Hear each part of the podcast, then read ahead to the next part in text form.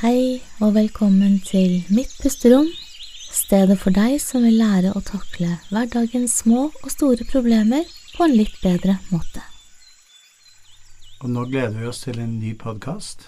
Det er en eh, søndag morgen, sånn som vi pleier å, å, spille inn. Og vi har fått noen henvendelser fra en, en kunde. Det stemmer. Eh, jeg fikk en e-post fra en kvinne som jeg kan bare begynne å si det kanskje med en gang, for hun er veldig rett på sak. Og jeg tror at hun har eh, et problem som mange har om dagen, fordi det er så utrolig mye informasjon der ute.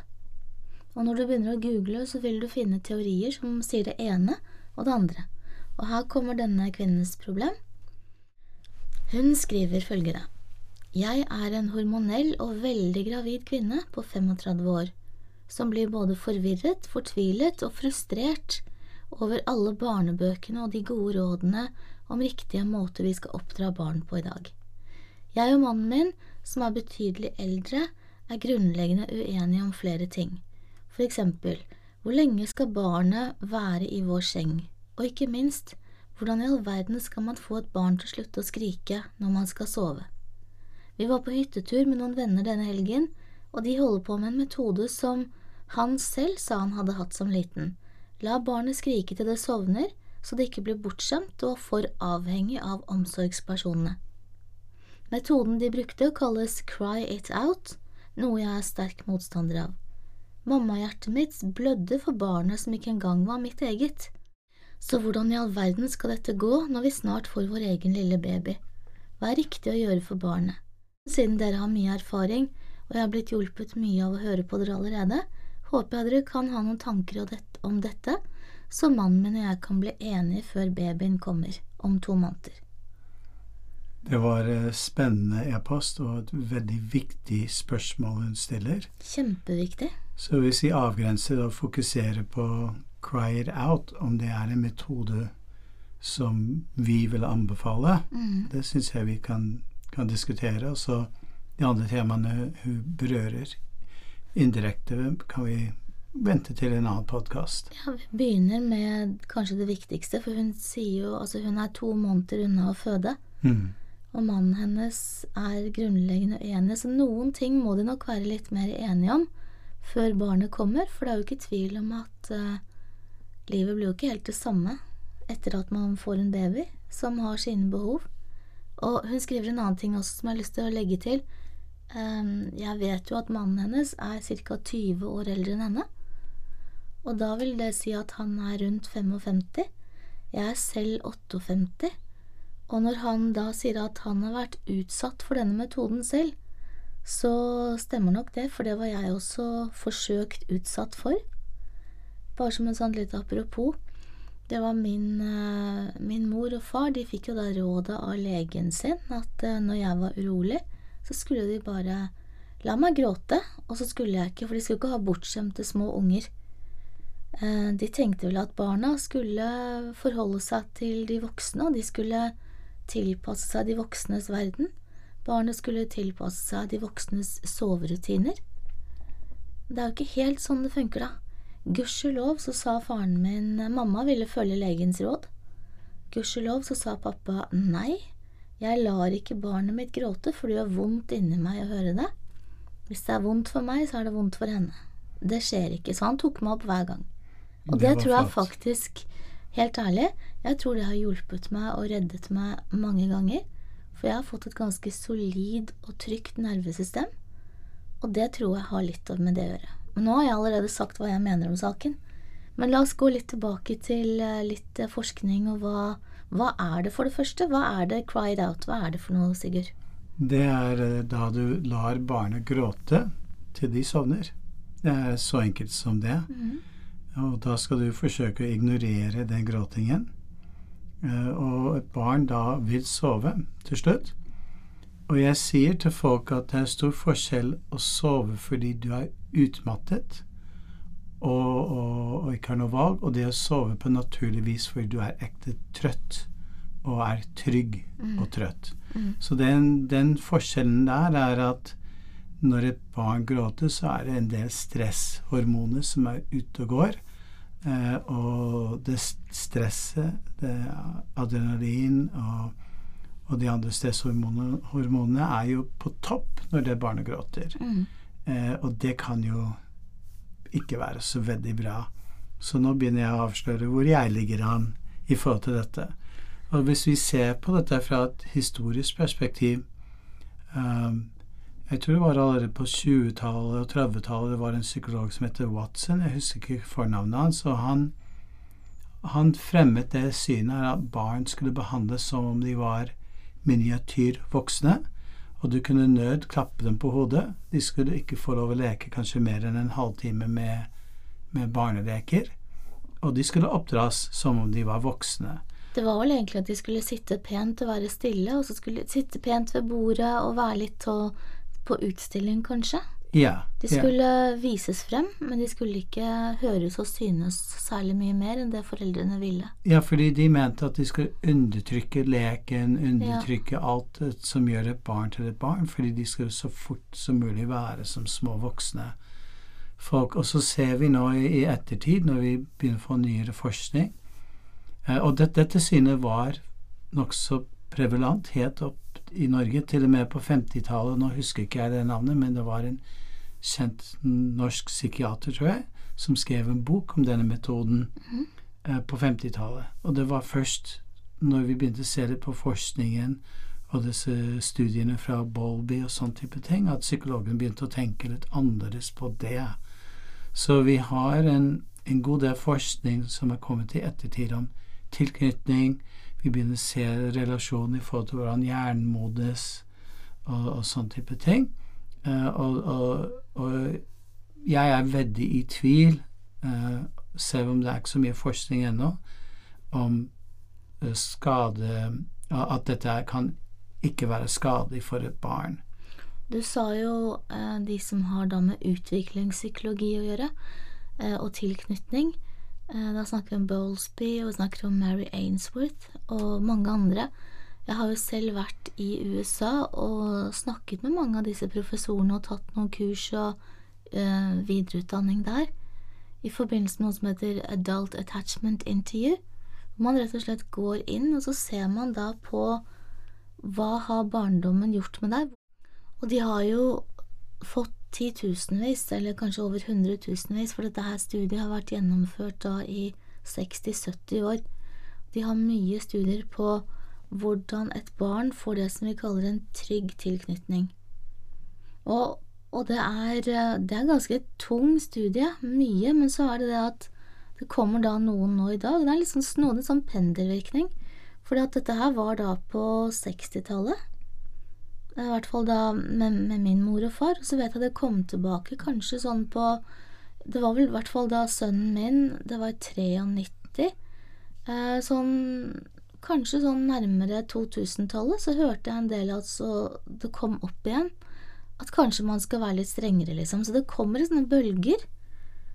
Og så er det det store spørsmålet igjen, og da igjen har hun fått dette anbefalt, eller i hvert fall hennes venner har fått det anbefalt, bare la barnet gråte ferdig. Det er jo klart at, sånn som vi snakket om litt i stad også, det fins forskning som sier at dette her er ikke skadelig, og så fins det forskning som sier det er veldig skadelig. Og sånn vil det jo være innenfor all forskning, tror jeg. Det er veldig, veldig veldig vanskelig, og særlig innenfor psykologi, som er en subjektiv opplevelse av, av hvordan du har det. Det er eh, vanskelig å si at dette her er farlig eller ikke farlig, men det er helt avhengig av din grunnleggende sensitivitet, tror jeg.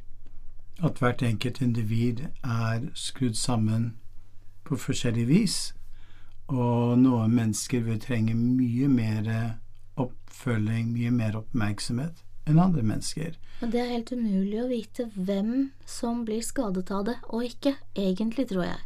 Men at noen blir skadet, det er det ikke mye tvil om.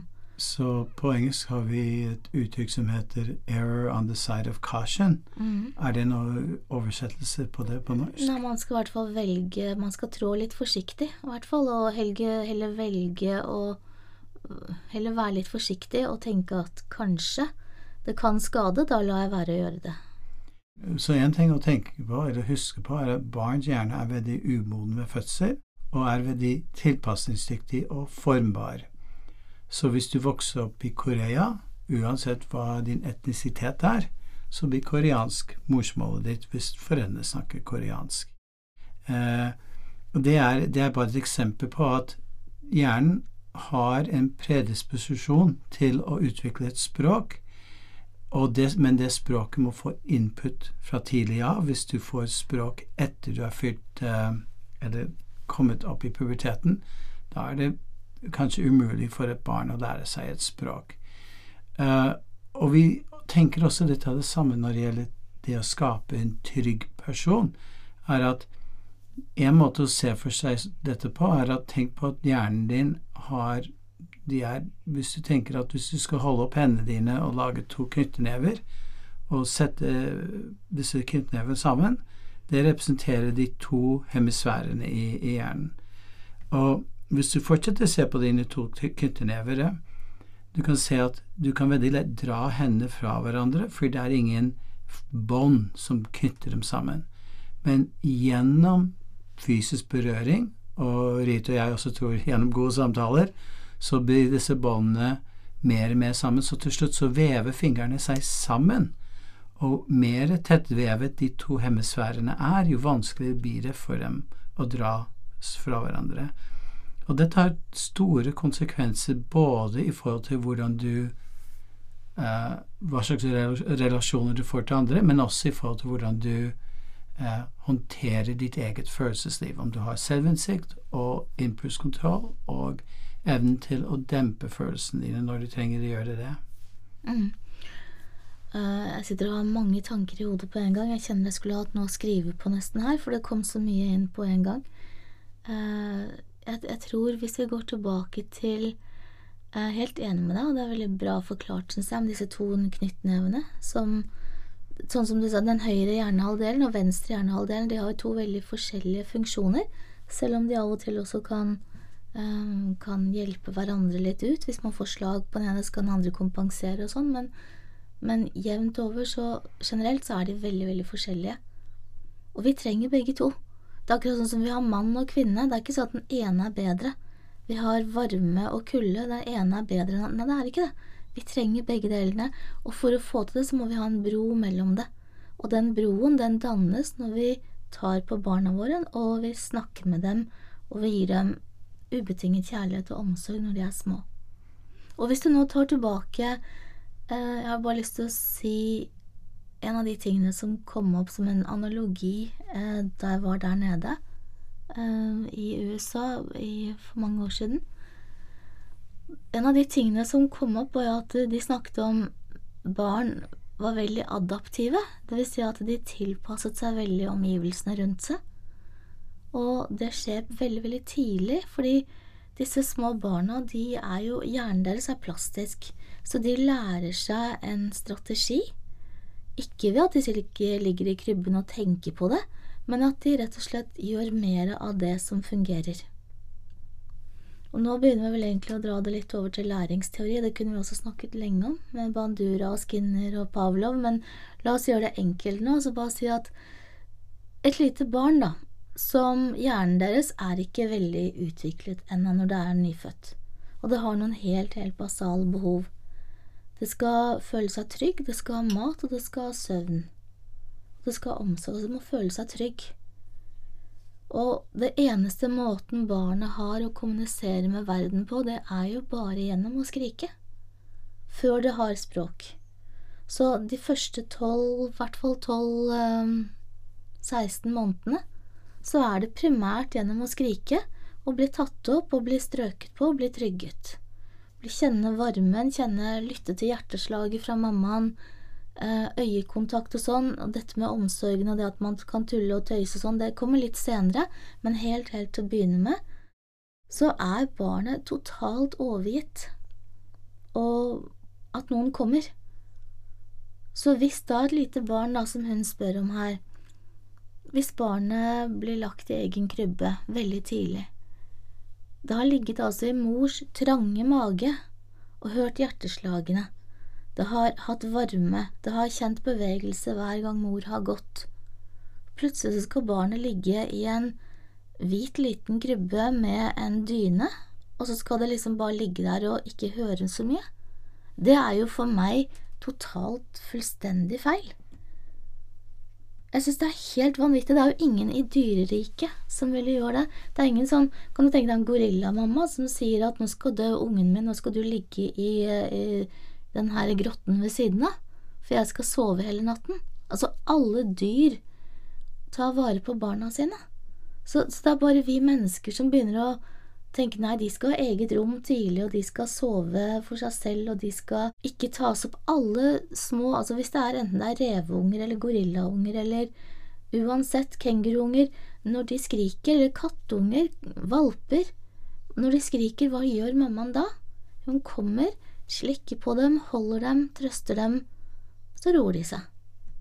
Og når disse barna, altså enten dyrene, valpene, gorillaungene og sånn, når de lærer det, så vil de jo da De vil ikke bli mer masete, men de vil bli trygge på at det er noen der som kommer, og da blir jeg mindre urolig.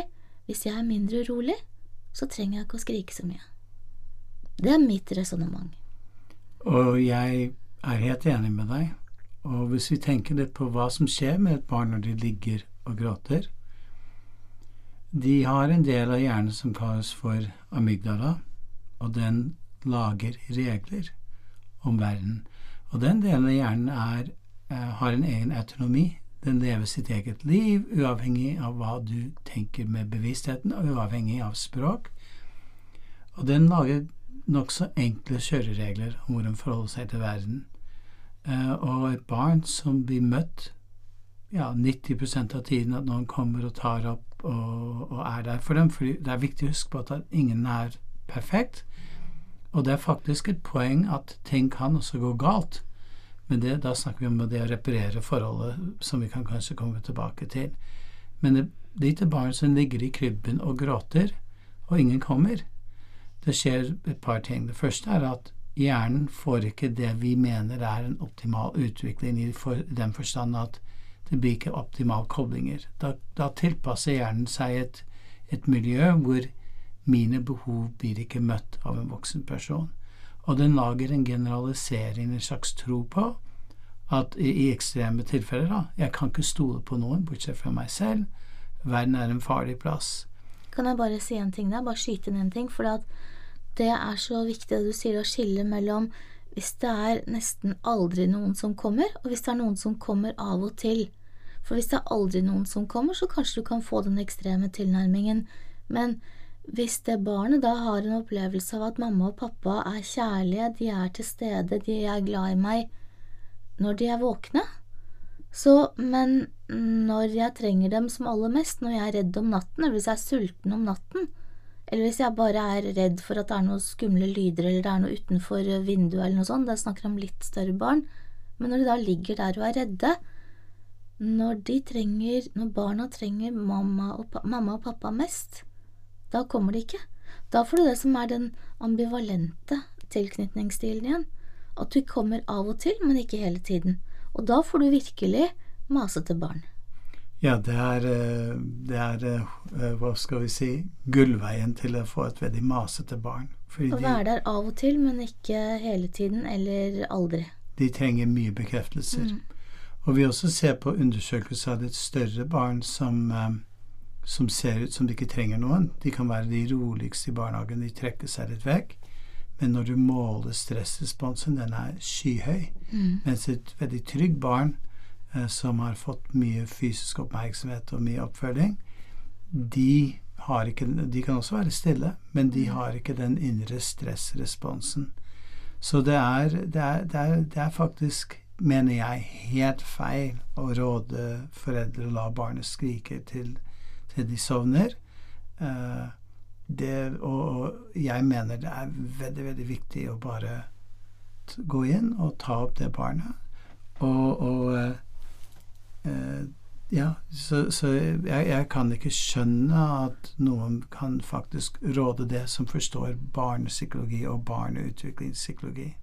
Da den her begynte å svinge litt tilbake igjen, da, og si denne cried out-metoden, Eh, at den begynte å komme litt opp i lyset igjen, så var det vel i 2019 så var det nesten 1000 danske psykologer som skrev eh, et brev og sa at dette her er galskap, dette her kan vi ikke Vi må faktisk ha litt mer diskusjon om det. Mm. Vi kan ikke bare Fordi om det ikke er noen synlige, veldig skadelige effekter, så man har Det er veldig vanskelig å måle, da. Men det vi i hvert fall ser, er at eh, antall altså psykisk lidelse, angstlidelser, uro, ikke minst ensomhet og depresjon, det er fryktelig høye tall på veldig mye av det. Og jeg, da jeg, når jeg har snakket vel, med veldig mange mennesker og ofte spurt dem litt om sin barndom, og mange som er på min alder, har jo hatt akkurat den metoden, da, i bånd. Og da blir det Du blir selvstendig og sterk og alt dette her, men du sliter kanskje litt med tilknytningen. Sliter med å stole helt på folk. For det, dette lille barnet igjen, da, hvis vi nå bare går tilbake til å se et lite barn som ligger og gråter mm, Ville du, eller bare sammenligne et lite barn med en liten valp som gråter? Jeg tror kanskje at vi hadde gått kjappere til den valpen som sto og pep og gråt, enn til det barnet, hvis vi hadde snakket med en lege som sa det cried out, liksom, for de tror det er et premiss i bånn her, de tror at barnet klarer å tenke på hva som skjer, men det gjør jo ikke det. Barnet bare reagerer, ligger jo ikke kognitivt og tenker på at ok, nå har jeg grått i 15 minutter, mamma har ikke kommet ennå, kanskje jeg skal slutte. Det, det, klarer ikke å tenke på det. Det kan av og til bare hulke og bli helt rød i fjeset og bli full av adrenalin og kortisol og alt mulig. Og så sovner du da med tårer i øynene. Og, og de gangene, de gangene som, som, vi har gjort det selv, altså hvor vondt er ikke det å sovne mens vi gråter? Hvor ensomt er ikke det å sovne mens det renner tårer nedover kinnene dine? Det er et veldig godt poeng, fordi sånn som faren din sa, hvis det gjør vondt for meg, så gjør det vondt for barna. Mm. Hvis du som voksenperson ligger aleine i en seng og har ingen å, å snakke med og finne trøst eh, Og det er da vi trenger mennesker. Det er akkurat det. Det er sånn som de sier at når vi skal elske barna våre mest når de fortjener det minst, er det et uttrykk, og det liker jeg litt, for det er noe med at når vi gjør det, gang på gang på gang, er der, stiller opp, tar dem opp, um, så viser vi dem at jeg hører på deg, jeg ser deg, jeg respekterer deg, jeg tar hensyn til deg, jeg er interessert i deg, du er viktig for meg. Og da lærer jo faktisk barna at jeg er verdifull, og det lærer at mine følelser betyr noe, jeg blir, jeg blir tatt hensyn til. Det er mye lettere for det barnet å gå ut i verden da og ta den plassen som det fortjener. Og når du tar den plassen og tester ut nye ting, så vil du få en følelse av mestring. Du vil få en følelse av glede. Og når du mestrer noe, så får du lyst til å gjøre mer av det, så da blir du sannsynligvis ganske flink òg til det du holder på med. Så trygge barn tror jeg starter i krybben, og jeg tror det starter med at vi tar opp barna når de gråter. Og så finnes det selvfølgelig da hvordan skal man få dem Man skal jo ikke hele tiden Man skal ikke la barnet overta hele natten, så man kanskje aldri ligger ved siden av mannen sin eller kona si.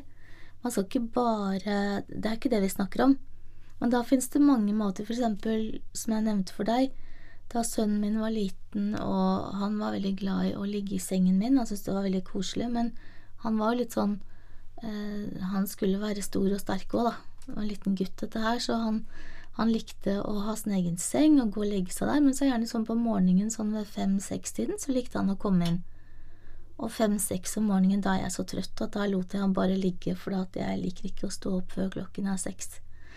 Så, og da syntes han det var kjempekoselig. Da kom han og krøp inntil Den lille varme kroppen og la seg inntil og sovnet som en dupp igjen, ikke sant. Da fikk vi tilknytning, vi fikk litt kos, og det var den der følelsen av jeg er trygg, jeg får lov til å være her, jeg blir ikke jaget ut, men han var der ikke hele natten, selvfølgelig. Og på kveldene så hadde vi en sånn rutine da han ble stor nok til å forstå. Da han, var, han var ganske tidlig ute, så han var kanskje sånn to og et halvt eller tre. Så begynte jeg Så hadde han en klokke på rommet sitt, og så sa jeg at eh, nå skal du ligge alene, og så kan du høre på den musikken. Og den musikken tar kanskje fem minutter. Når den er slutt, det er fem minutter til, da, da kommer jeg tilbake. Ikke sant? Jeg er tilbake om fem minutter. Og da lå han og hørte på den rolige musikken. Og så kom jeg tilbake, og da sto jeg i, eh, så sto jeg i døråpningen, og så vinket jeg til han og smilte til han, og så sa jeg å, du så så godt ut der du ligger, og er det god, god og varm i sengen din, og ikke sant, koser du deg? Så satte jeg på musikken igjen, og så sa jeg nå er det ti minutter. Altså jeg doblet det for hver gang.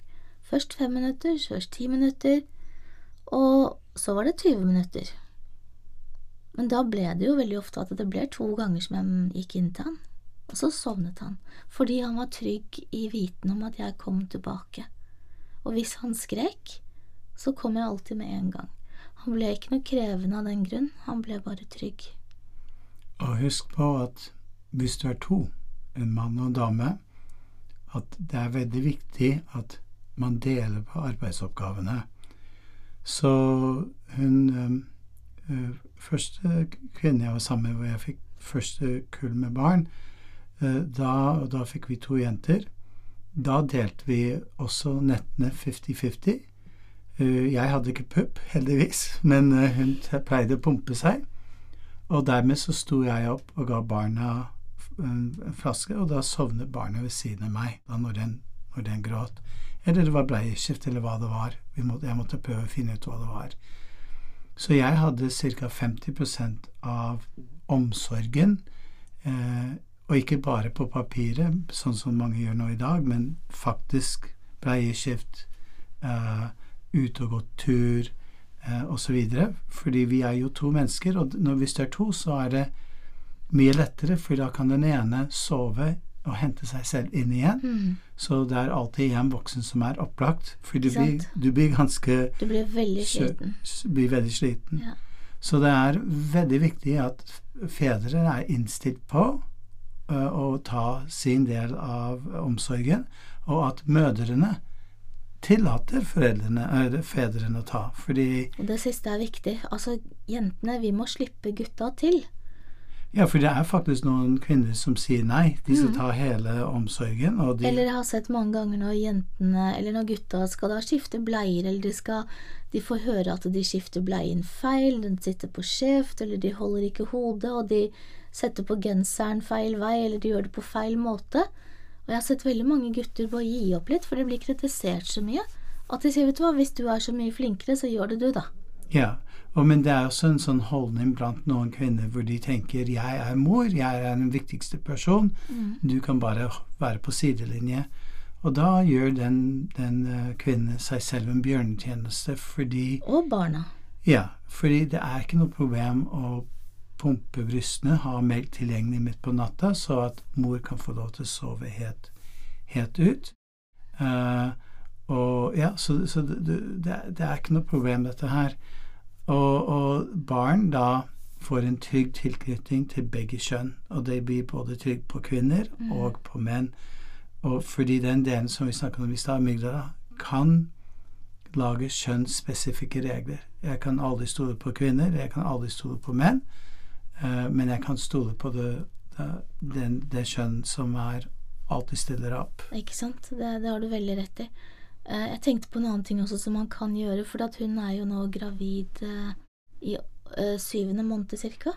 Et par måneder igjen, og en av de tingene som jeg ville anbefale deg å gjøre, er jo å begynne allerede nå å ta først og fremst vare på din egen mentale helse. Sørg for at ditt stressnivå er så lavt som mulig, samtidig som du spiller musikk som du elsker.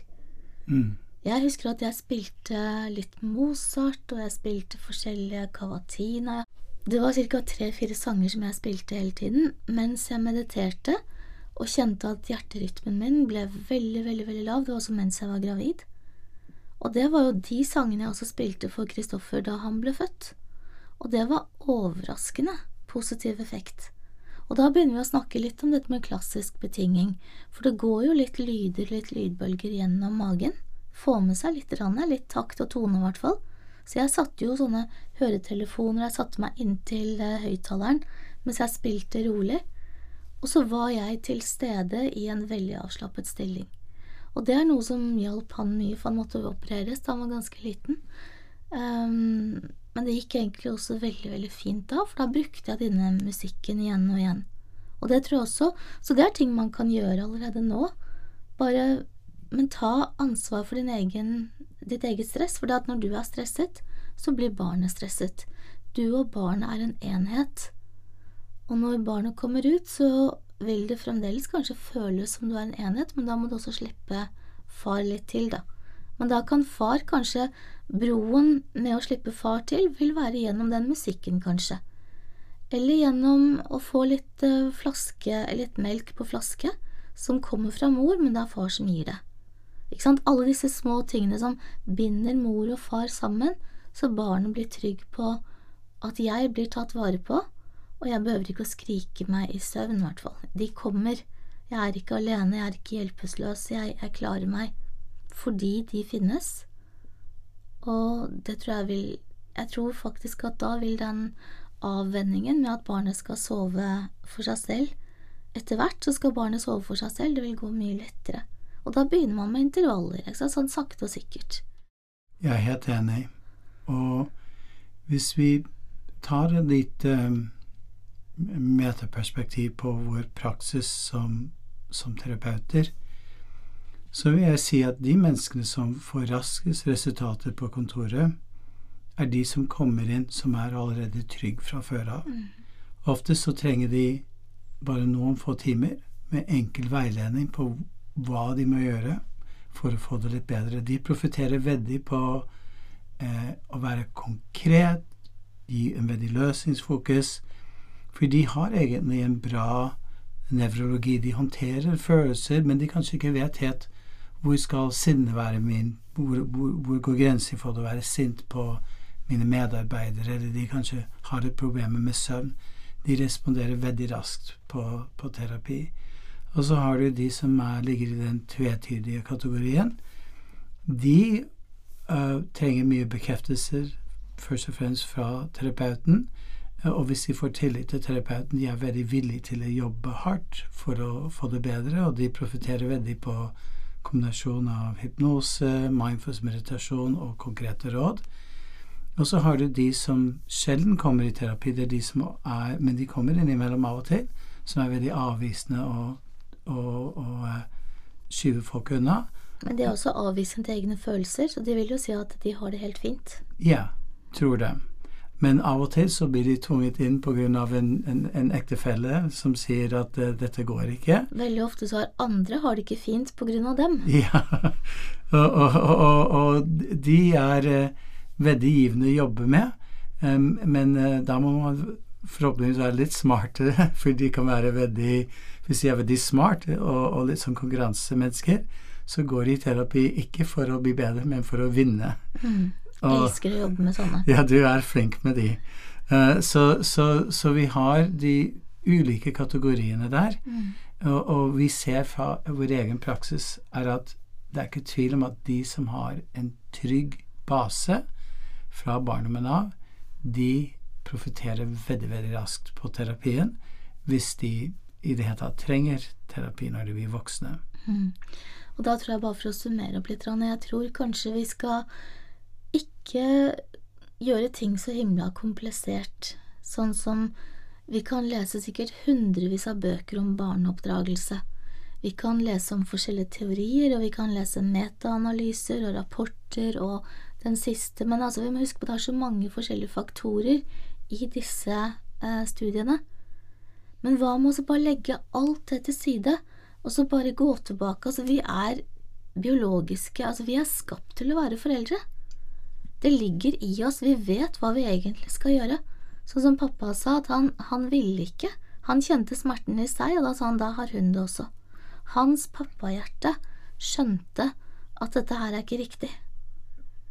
Og jeg tror at vi ofte skjønner mye mer enn det vi tror, men vi må bare gi oss selv tid og litt eh, tålmodighet, kanskje, til å kjenne hva, hva er det som er naturlig, hva er det som er riktig, og ikke minst, hva hadde jeg trengt? Hvordan hadde jeg likt å, å ligge og gråte meg i søvn, for eksempel, da? Ja, jeg er Eller hvis man er sint, hva trenger man da? Man trenger å bli hørt. Hvis man er lei seg, hva trenger man da? Da trenger man trøst. Akkurat det er, det er så enkelt som hvis du er sulten, så trenger du mat. Er du tørst, så trenger du vann. Og det er noen basale behov her som er ekstremt enkle å ta tak i, men da må du gå inn i deg selv og kjenne etter hva du egentlig vet. Du er skapt for å være en foreldre. Så jeg syns du er i overkant optimistisk, fordi hvis du er en av de barna som har vokst opp med en veldig avvisende mor, mm -hmm. du har blitt fremmedgjort fra ditt eget følelsesliv, uh, du vet ikke helt hva som er riktig eller galt, men så, så mange av de foreldre blir gode foreldre fordi de bestemmer seg for jeg skal bare gjøre det motsatt til det mamma gjorde. Det er akkurat det, ofte, men det handler om én ting. Og det, du, du, må starte med en bevisstgjøring. Hvis ikke du er bevisst hva du driver med, så, du, så vil du bare fortsette å gjenta det mønsteret som kanskje har vært veldig, veldig feil. Altså, du vil fortsette å være din egen mor, da, som kanskje var en, en dårlig mor, for eksempel. Som kanskje til og med slo deg eller avviste deg, eller noe sånt, så vil du fortsette å gjøre det. Men innerst inne, jeg mener, hvis folk da kanskje bruker litt penger på å gå i terapi for å finne ut av seg selv, og gå innover til sin egen kjerne, og jeg vet ikke hvor mange jenter jeg har hatt hos meg som har vært eh, via barnevernet, som har en forferdelig tøff, eh, tøff bakgrunn, og så spør jeg hvordan har du lyst til, altså ville du behandlet barnet ditt på den måten som du selv har blitt behandlet? Og da bare fniser jeg, er du gal, liksom, det ville jeg aldri gjort. Så sier jeg, men da har du en kunnskap, for da vet du hvordan du kunne gjort det istedenfor. Og så får jeg dem til å skrive opp lange lister. Og når de da sitter der og tenker på at de da kanskje ville lytte mer, de ville være mer tålmodige, eller andre ting, mm, de ville kanskje ikke drikke seg snyden skikkelig full foran barnet sitt. Eh, de vil ikke gå ut og prostituere seg om natten. De skriver ned alt hva de ikke vil gjøre, så har de på en måte en guideline, og så må vi se ok, hvor kan vi begynne, for da, da begynner jobben. Fordi det, det, som kanskje kan gå galt, er at hvis man ikke har den bevisstgjøringen, så har man et sånn instinkt på å gjenta den samme behandlingen som mm. foreldrene har gitt deg. Det er derfor jeg er litt uenig med deg å bare si kjenne etter å være i tråd med instinktene dine. Mm. Fordi hvis det kan bli fort en sovepute for de som ikke orker å ta den indre kampen. Jo, den ser jeg. Ja. Så, så, de da bare fortsetter å tenke ja, ja, det gikk bra med meg, og da sitter de der og røyker og drikker. Men det er ikke å følge til et instinkt, tror jeg. Er det det? Ja, men jeg de... mener det er instinktet som er helt innerst inne i dypet av oss selv, hvor vi vet hva vi selv hadde trengt. Jo, du forutsetter da at vedkommende har den bevisstgjøringen, har den evnen til å se det. Eh, jeg er ikke så sikker på at alle, Nei, alle klarer har nok ikke det. Nei. Så jeg, og, og, og jeg, så jeg tror det, nå kommer vi inn på masse ulike temaer, som f.eks. kognitiv dissonans, og hvordan ja, ja. vi rettferdiggjør dårlige valg og sånne ting. Men hvis vi drar samtalen tilbake til denne kvinnen vi snakker om mm. nå, som har en partner som sier ja, men det gikk jo bra med meg, eller disse foreldrene som vil gjerne forsvare sin, sin måte bare la babyen cry it out, de vil finne gode argumenter som virker veldig logisk. Men hvis vi, hvis vi tenker empatisk, hvis du har et lite snev av empatien, da er jeg enig med deg, Rita, at da vil du kjenne at dette føles feil.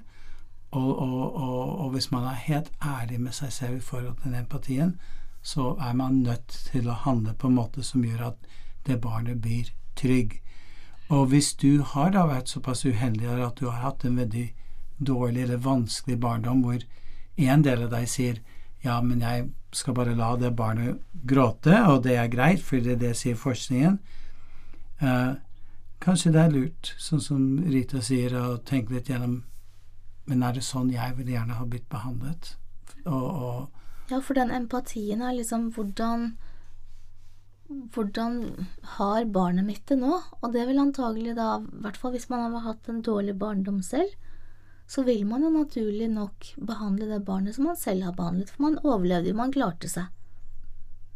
Men husker du hvordan det var å sitte alene? Husker du hvordan det var å få en liten sånn, kanskje liten sånn spanking, ikke sant, litt sånn en liten pisk eller litt eh, bli dratt ned buksen og få en liten klask på rumpa, og, eller bare bli sittende på rommet ditt i skam. Hvordan var det? Hvordan var det egentlig? Det her krever jo at du er ærlig med deg selv, da. Jeg er helt enig. Og det er ofte innmari tøft, men er det én gang det er viktig, så er det jo i hvert fall når vi skal bli foreldre. Da er det litt på overtid å begynne å jobbe med seg selv og bli ærlig med seg selv og tenke hva vil jeg videreføre, hva slags foreldre vil jeg være, og for all del, gjør alt det du kan for å bli enig med mannen din før barnet kommer, fordi det å få barn er en belastning for et forhold, ikke en oppskrift for å få det bra. Nei. Høres litt hardt ut kanskje, men det er, det er viktig. Vi burde lagd et kurs som heter Foreldrelappen. Kanskje så, det. så folk kunne ta en lapp, lappen i det å være god foreldre. Så, så se etter det beste i uh, hans intensjon. Han har sikkert et ønske om at dere to skal fortsette å være sammen, og at barn ikke skal ta for mye tid. Um, så gi han litt tid, da. Snakk om det. Snakk om hans behov, snakk om dine behov. Og ikke minst glem at når barnet kommer, så har det behov, selv om det ikke klarer å uttrykke det på annen måte enn å skrike så desibelen uh, slår ut. Og vi skal legge til noen linker til noen bøker som vi mener er bra i forhold til barneoppdragelse, slik at du slipper å lese om alt mulig, og de bøkene er i tråd med hvordan vi tenker i forhold til hjerneutviklingspsykologi. Det kan vi gjøre. Og med det så håper vi at du har fått litt eh, svar på det du lurte på. Og er det andre spørsmål, så sitter vi nå her på søndager og besvarer det du måtte trenge å høre. Vi gleder oss til neste gang. Ha det godt.